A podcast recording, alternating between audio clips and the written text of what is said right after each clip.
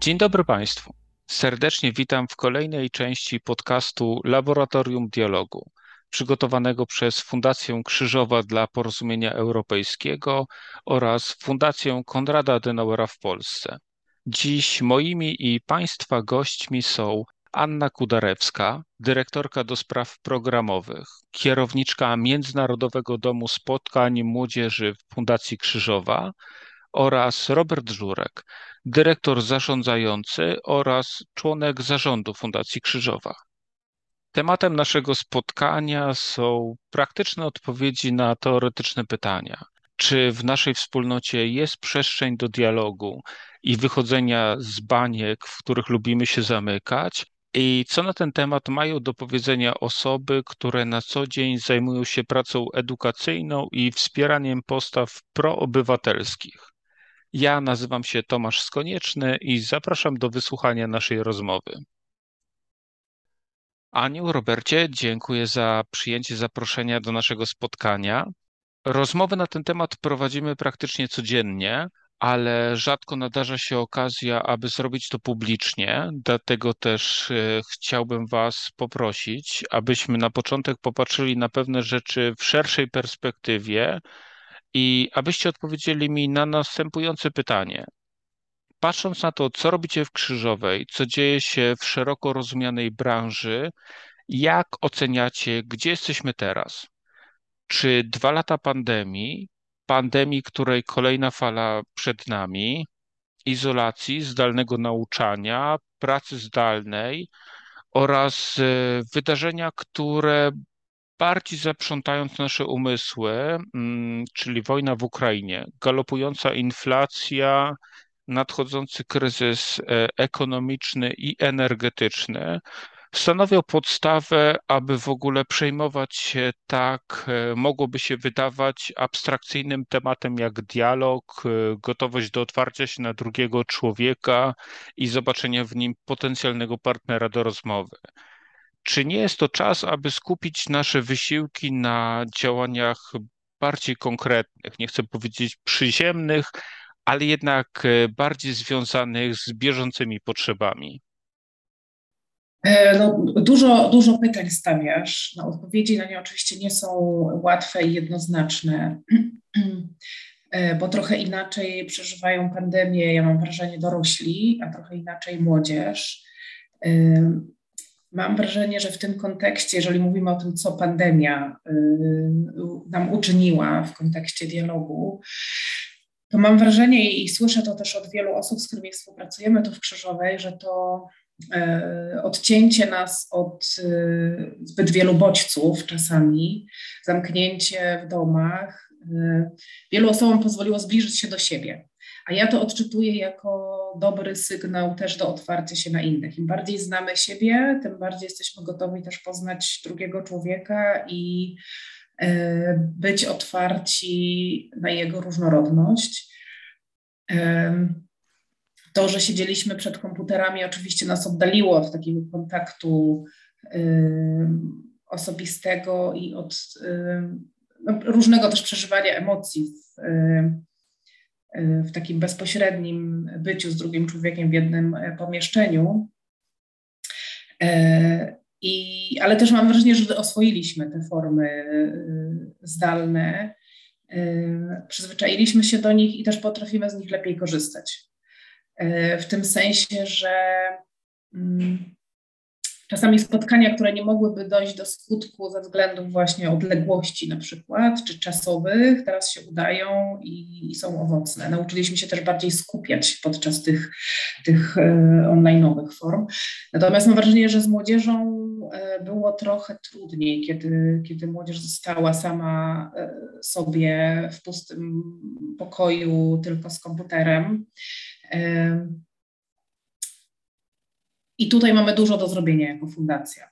Tak, że tutaj w tych naszych spotkaniach z młodzieżą ta pandemia widzimy skutki, widzimy, że młodzież jest bardziej zamknięta, jest bardziej nieśmiała, y, jest y, bardziej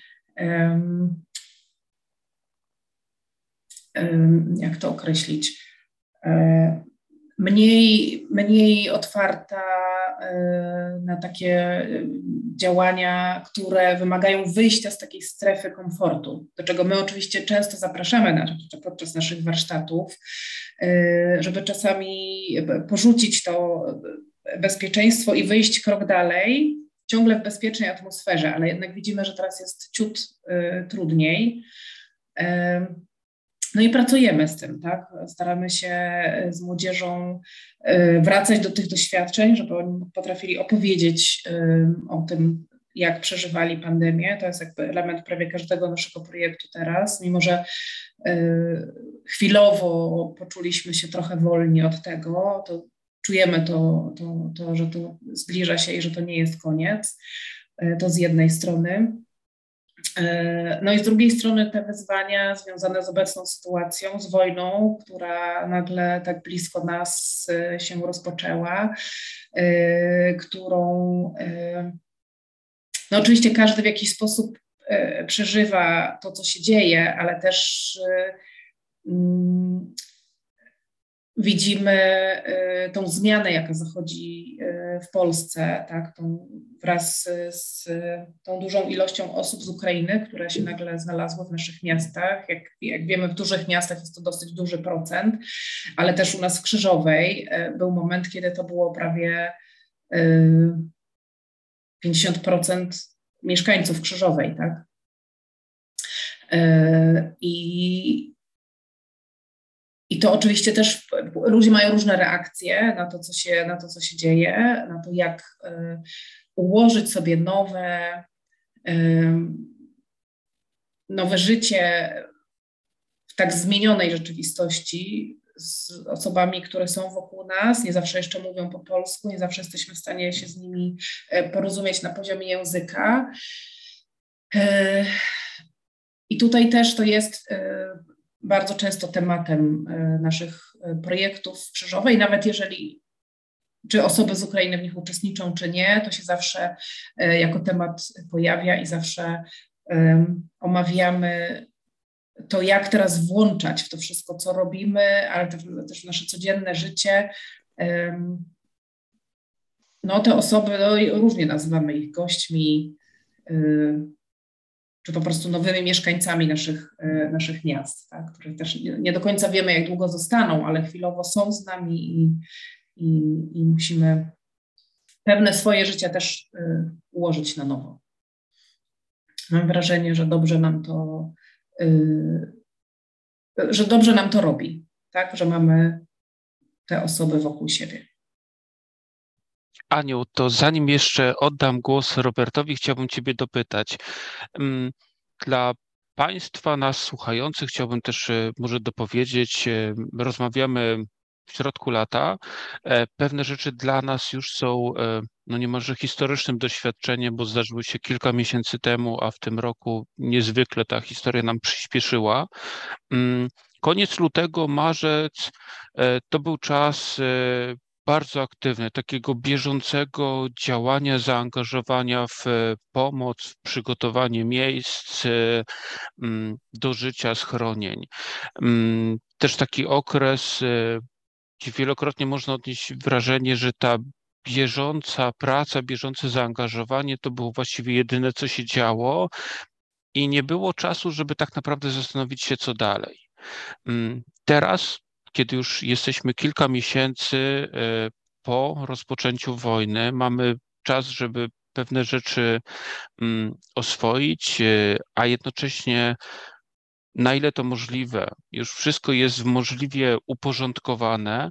E, czy to jest ten czas takiej głębszej refleksji, żeby zastanowić się, co dalej robimy, mm, w którą stronę zmierzamy? Myślę, że my cały czas tą refleksję podejmujemy od samego początku, y, jakby na różnych poziomach, y, ale nie wiem, czy, czy jesteśmy w stanie jakoś bardzo długofalowo y, zastanawiać się, co dalej. Ale to też jest rzecz, która właśnie co mi uzmysłowiło, że tego nauczyła mnie pandemia trochę, tak, że jesteśmy bardziej tu i teraz, jest, staliśmy się bardziej elastyczni, otwarci na to, co się zmienia na zewnątrz, na to, na co nie mamy wpływu. Tak, że jakby z pokorą przyjmujemy to, na co nie mamy wpływu, starając się jednocześnie bardzo szybko reagować, tak, żeby to, co czasami jest niechciane, przerobić na, na działanie y, takie zgodne z naszymi wartościami. Ja osobiście powiem, że nie jestem w stanie sobie wyobrazić nawet przyszłości takiej za rok, jak to będzie wyglądało i jak powinniśmy tak długofalowo cokolwiek zaplanować. Jeżeli chodzi o sytuację y, z wojną, czy sytuację y, z osobami z Ukrainy, które są tutaj w naszym bliskim otoczeniu. Ale może Robert ma jakieś inne pomysły. No, przede wszystkim witam bardzo serdecznie wszystkie osoby nas słuchające. Dziękuję Tomkowi za zaproszenie do tej rozmowy. Y, nie, no oczywiście, że nie mam pomysłów. Jesteśmy wszyscy y, bezradni wobec tej sytuacji y, po czasach dość spokojnych, takich trochę leniwych. Nagle zwaliło się na nas sporo nieprzewidzianych i trudnych rzeczy. Ktoś ostatnio powiedział, to mnie ujęło, że w zasadzie to już dwóch z czterech jeźdźców apokalipsy się pojawiło, czyli 50% to nie mało. Mm, więc to, to, są czasy nadzwyczajne i chyba nikt nie wie, czym to się wszystko skończy. Y, no i wydaje mi się, że trzeba y, robić swoje, tak? Że trzeba y, rzeczywiście mm, planować na ile się to da, pamiętając o tym, żeby zachować elastyczność w tym planowaniu i robić to, co wydaje nam się, że jest słuszne i ważne.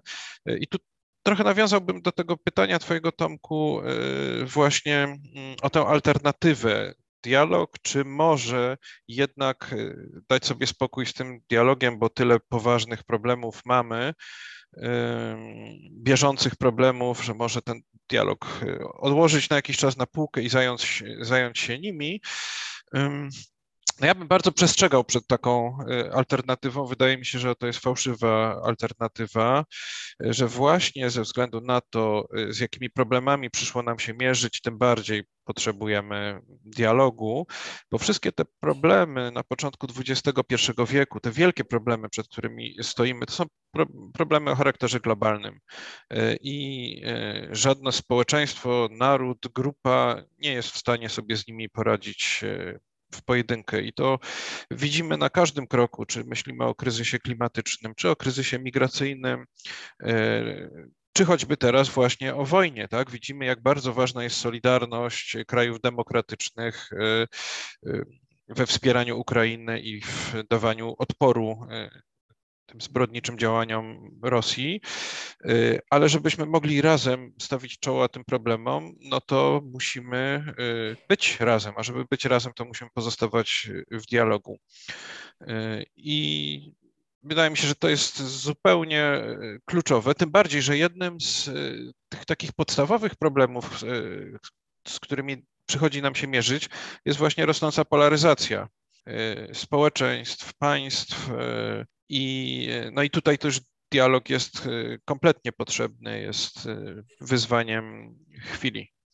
Dzięki bardzo. Ja mam trochę wrażenie, że to jeszcze nie jest to, co ja chciałbym od Was usłyszeć, ale dojdziemy do tego. Mam pytanie, trochę rozwijając myśl zasygnalizowaną przez Anię. Jednak mimo wszystko Krzyżowa jest dosyć specyficznym miejscem, które e, zresztą podobnie jak większość e, tego typu organizacji, pewne rzeczy musi planować. E, musi planować przyszłe tematy, chociażby od strony takiej czysto praktycznej. Należy składać nowe wnioski, przewidywać budżety, planować wydarzenia. W związku z tym jest pytanie, czy dziś możemy zaplanować sobie przyszłe działania, tematy, które będziemy podejmować z zakresu edukacji obywatelskiej, edukacji o dialogu, które będą możliwie realną odpowiedzią na problemy, z którymi będziemy się konfrontować? Czy w ogóle to jest dosyć naiwne myślenie, że dziś jesteśmy w stanie przewidzieć e, trochę potrzeby grup odbiorców. Jesteśmy w stanie przewidzieć realne potrzeby grup, które my uznajemy jako grupy docelowe. Aniu, może zacznijmy od Ciebie. Nie jesteśmy oczywiście do końca w stanie przewidzieć wszystkich kompetencji, które będą potrzebne w nieznanej nam przyszłości, ale są pewne kompetencje takie bazowe, z którymi my już od dawna pracujemy i które przydadzą się zwłaszcza w takiej niewiadomej przyszłości, zwłaszcza w przyszłości, która może nieść kolejne zawirowania, niebezpieczeństwa niewiadome, tak? I to są takie kompetencje, nad którymi my pracujemy, e, związane chociażby z komunikacją, tak? Z tym, żeby uczyć młodych ludzi, jak e, się komunikować, jak prowadzić dialog, do, do, dokładnie już tutaj wchodząc w nasz temat, e, jak słuchać drugiego człowieka, jak być ciekawym tego drugiego człowieka, ale też jak krytycznie go słuchać, tak? czyli te umiejętności też krytycznego myślenia, bo prawdopodobnie w przyszłości media społecznościowe nie zginą i fake newsy nie zginą i taki natłok informacji, z którymi e, teraz mamy do czynienia, raczej będzie tego więcej niż mniej. Te umiejętności radzenia sobie e, w takim szumie komunikacyjnym są bardzo ważne do tego, żeby potrafić rozmawiać o pewnych ważnych kwestiach, obojętnie jakie to będą kwestie, tak? czego będzie ta rozmowa dotyczyła, to te umiejętności właśnie słuchania, wypowiadania się i, i krytycznego myślenia są zawsze y, pomocne. Kolejna taka kompetencja, którą uczymy i która wydaje nam się, że będzie zawsze potrzebna, to jest świadomość języka, jakim się posługujemy. Tak, zwłaszcza teraz w trakcie wojny, e, w trakcie właśnie to, to, co obserwujemy, duża polaryzacja i w Polsce, i na świecie odnośnie wielu tematów, to jest e, ta umiejętność przede wszystkim no, też słuchania tego, jakie komunikaty do nas są kierowane, przez kogo i dlaczego, i wyłapywania tych słów, które dają konkretne zabarwienie opisowi danych sytuacji, tak? Tak jak słyszymy, y, no tu bardzo łatwy przykład, tak? Jak o wojnie mówi się w Rosji, w mediach rosyjskich, jak mówi się u nas, jak mówi się w Niemczech, porównywanie tego y, i, i, i staranie się też uczenia, mówienia o, o, o tych sytuacjach w sposób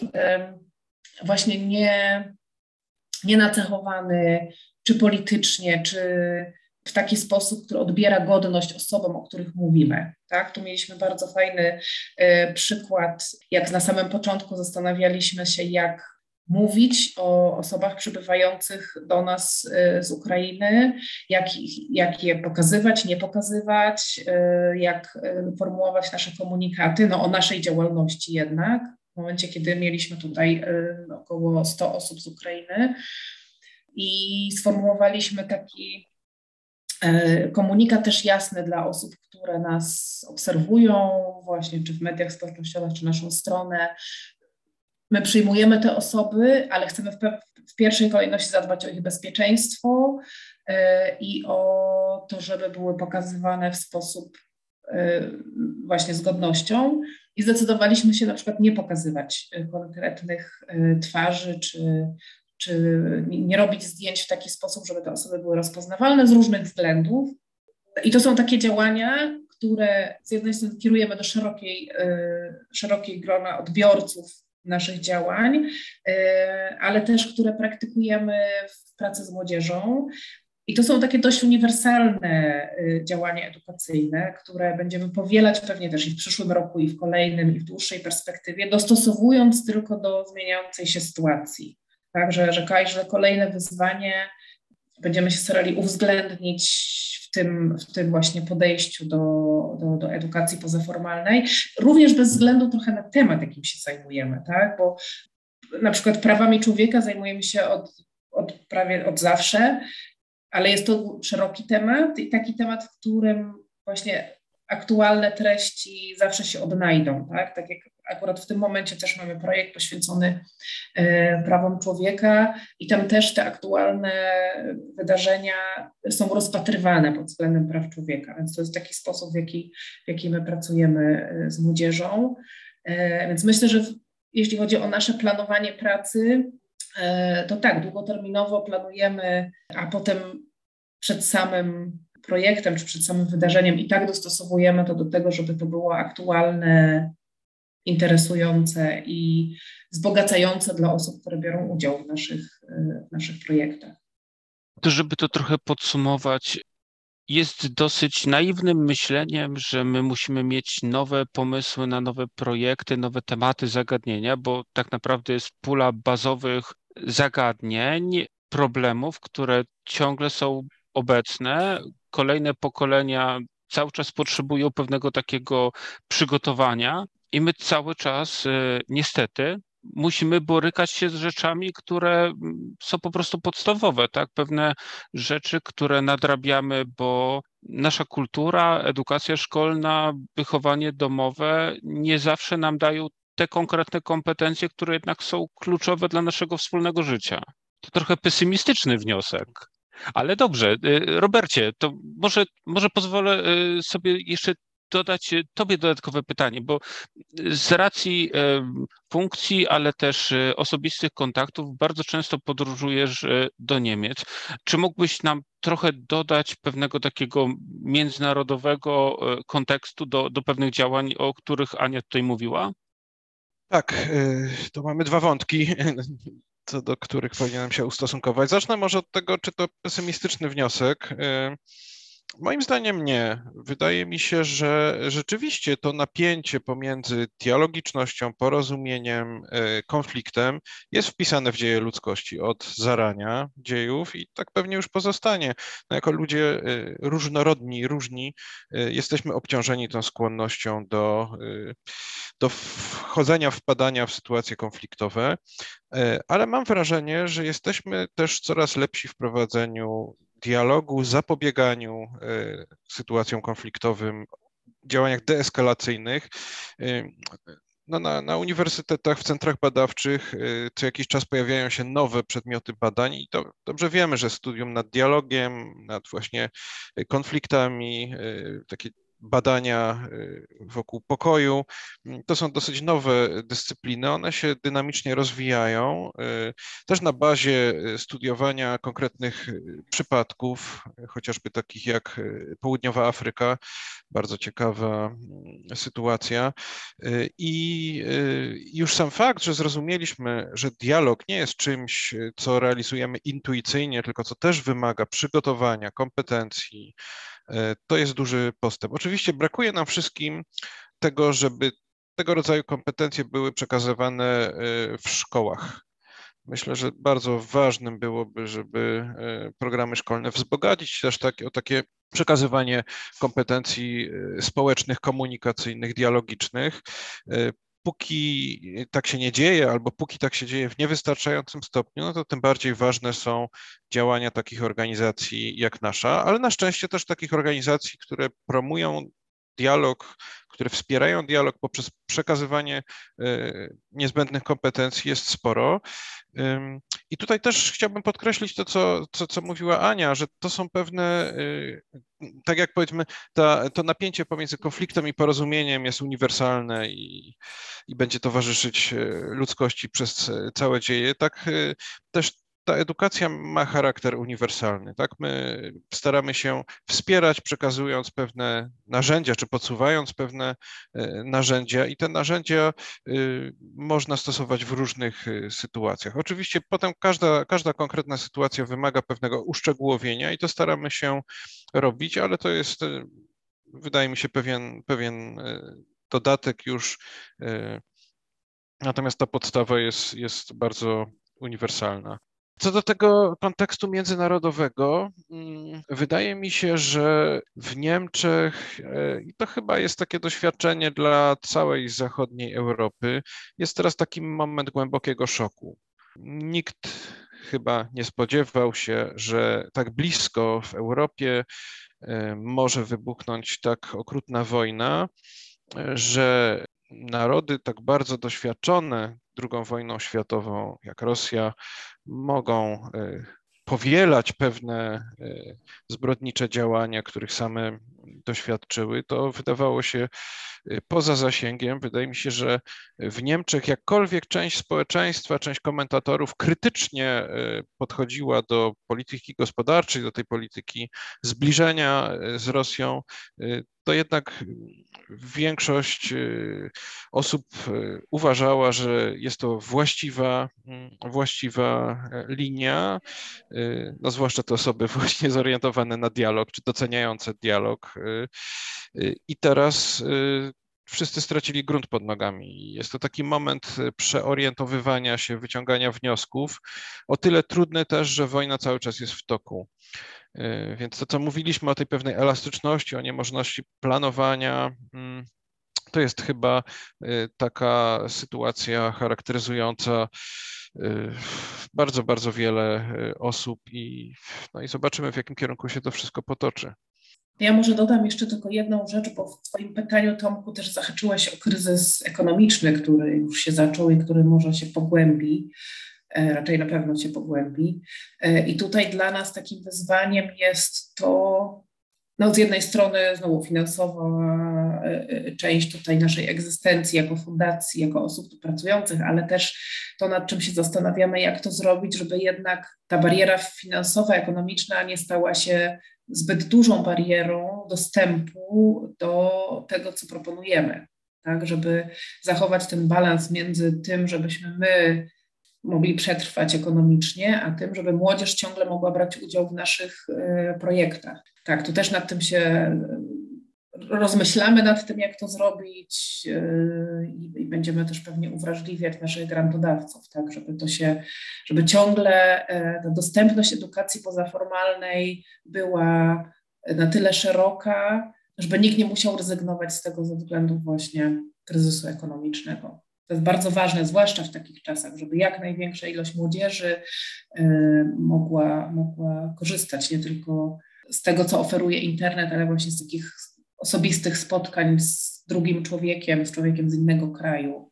To jest e, ważne tym bardziej, że mm, kiedy myślimy o polaryzacji, o podziałach, to na pierwsze tło, y, zwłaszcza w polskich realiach, y, wysuwa się ta polaryzacja polityczna, prawda?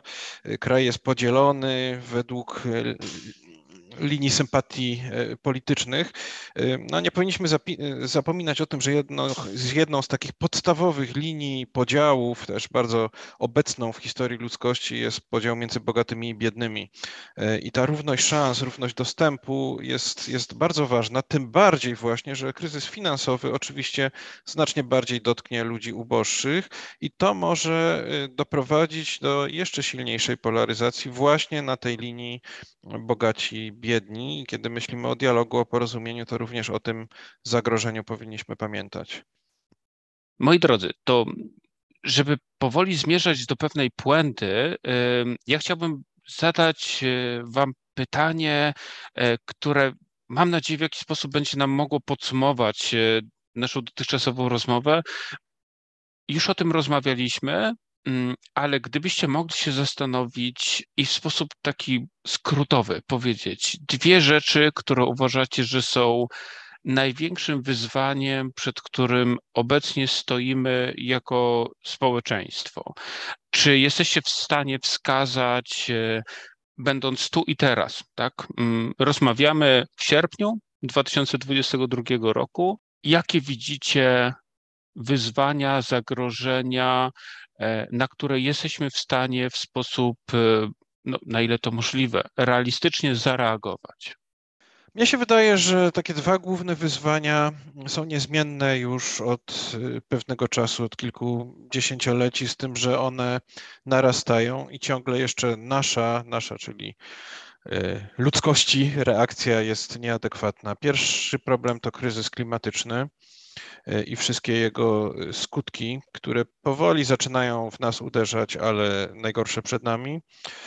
A druga to jest no właśnie współżycie bardzo różnych ludzi w globalizującym się świecie. Ułożenie sobie takich zasad, reguł tego współżycia, żeby ono właśnie nie prowadziło do rosnącej polaryzacji konfliktów, e, walki o wpływy.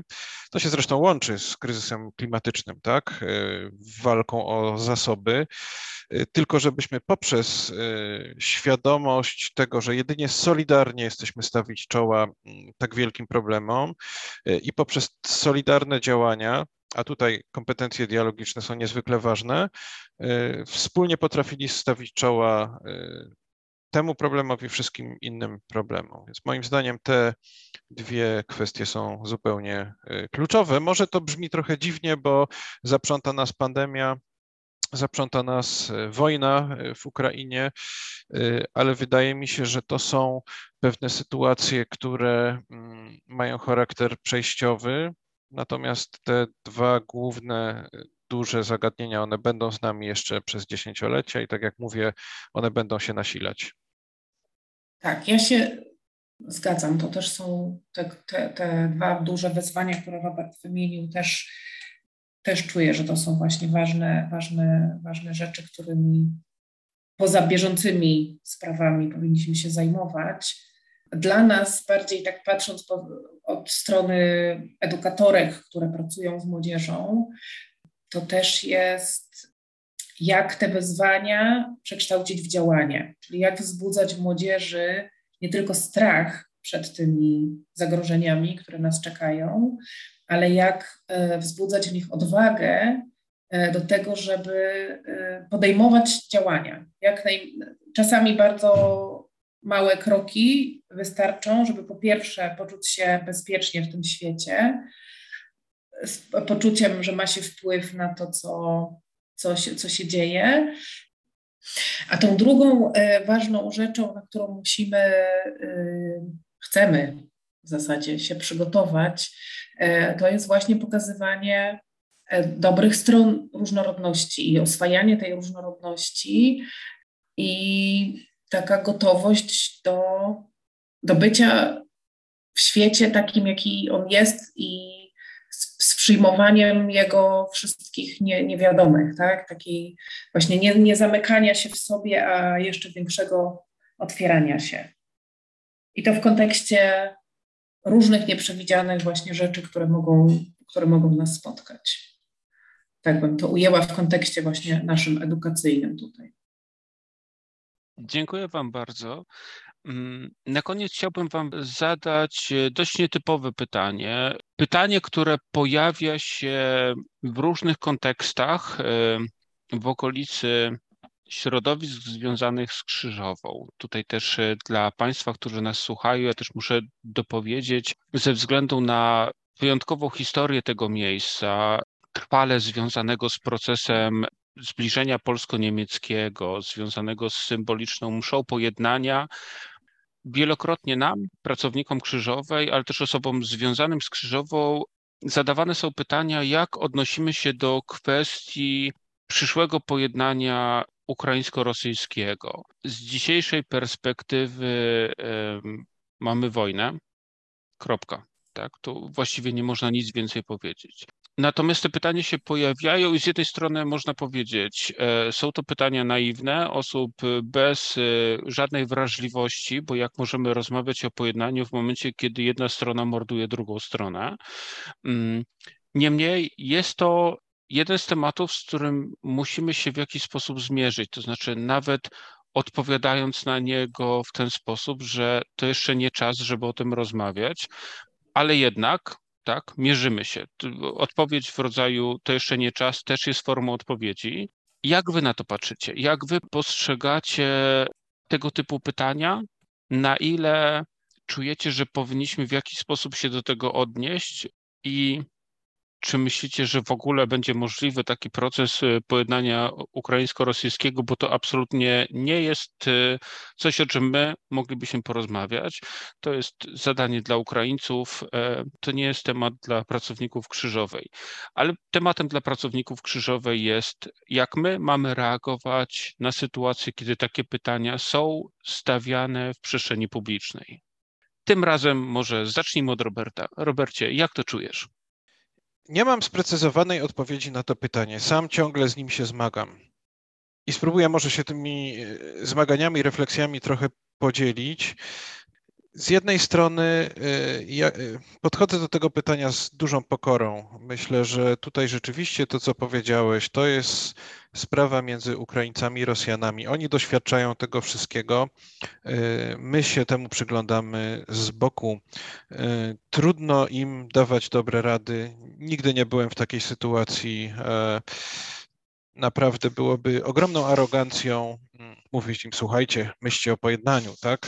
Mówić im cokolwiek. Z drugiej strony mm, wiemy y, z autopsji, tak, że że czasami taki głos z boku jest potrzebny, kiedy jesteśmy y, w jakimś tunelu, tak, w pewnej spirali, dobrze, y, dobrze usłyszeć głos wolny od tych obciążeń, w których teraz właśnie się znajduje. Krzyżowa jest takim miejscem, no może wykorzystam e, ten moment, żeby troszeczkę reklamy nam zrobić, bo e, wydaje mi się, że mamy pewien przywilej, którym jest historia tego miejsca. To, że dialogiczność, dialog jest wpisany w dziedzictwo historyczne tego miejsca i myślę tu zarówno o kręgu Skrzyżowej, e, tej antynazistowskiej niemieckiej organizacji, która składała się z bardzo różnorodnych osób, które w nieustannym dialogu wypracowywały wspólne stanowiska. No potem drugie e, źródło naszej tożsamości to pojednanie polsko-niemieckie, a więc proces, w którym dialog, bardzo trudny dialog, grał niezwykle ważną, kluczową rolę. Mm, ale też jeszcze trzeci element, czyli historia powstawania fundacji, to jak ona funkcjonuje. E, to, że ona jest tworzona przez bardzo różnorodnych ludzi, to dotyczy zarówno naszego zespołu, jak i gremiów, tak? gdzie ten dialog międzynarodowy, polsko-niemiecki, dialog światopoglądowy, ludzi o bardzo różnych poglądach, ale też, o czym często zapominamy, dialog pokoleniowy, są niezbędne. Bez, bez niego byśmy nie byli w stanie istnieć, dawno już byśmy się rozeszli, skonfliktowani, ale to, to nieustanne doświadczenie e, dialogiczności, wagi, tego, że taki projekt tylko dzięki niej może, mm, może istnieć, e, ono też dodaje mi odwagi w tym, żeby żeby mimo tego pełnego pokory podejścia do tego, co się dzieje na wschodzie, y, jednak sformułować taką tezę, że, y, że, że powinniśmy domagać się myślenia o pokonaniu nienawiści, przynajmniej tyle, tak, żeby nie, nie pozwolić, żeby nienawiść tak zapanowała nad, y, nad ludźmi. Ja cały czas podkreślam tę pokorę, tak? Ja mo może się mylę i może to jest, to jest aroganckie, ale wydaje mi się, że niezwykle ważne jest teraz, żeby mm, nie było takiej spirali dehumanizacji przeciwnika, e, zbicia go w jeden blok, tak? Nie wszyscy rosyjscy żołnierze są sobie e, równi. Pamiętamy obrazki z pierwszych tygodni wojny, gdzie dochodziło nieraz wręcz do jakichś przyjacielskich dialogów pomiędzy mm, ludnością e, ukraińską a, a tymi żołnierzami. Ja też pamiętam o takim projekcie y, z lat 80. To był bardzo ważny y, projekt chrześcijański akurat wtedy. Wezwano w Polsce świadków II wojny światowej do opisania pozytywnych doświadczeń z Niemcami w czasie okupacji. I ten projekt miał się nazywać Dziesięciu Sprawiedliwych. Nadeszło mnóstwo relacji, które były szokujące, bo one stały w ogromnej opozycji do tej oficjalnej linii dotychczasowej, tak, która mówiła o tym, że zły Niemiec gnębił dobrego Polaka. Oczywiście generalnie tak było, ale było mnóstwo wyjątków od tej reguły i to te wyjątki, ich świadomość y, pomagała później w procesie pojednania.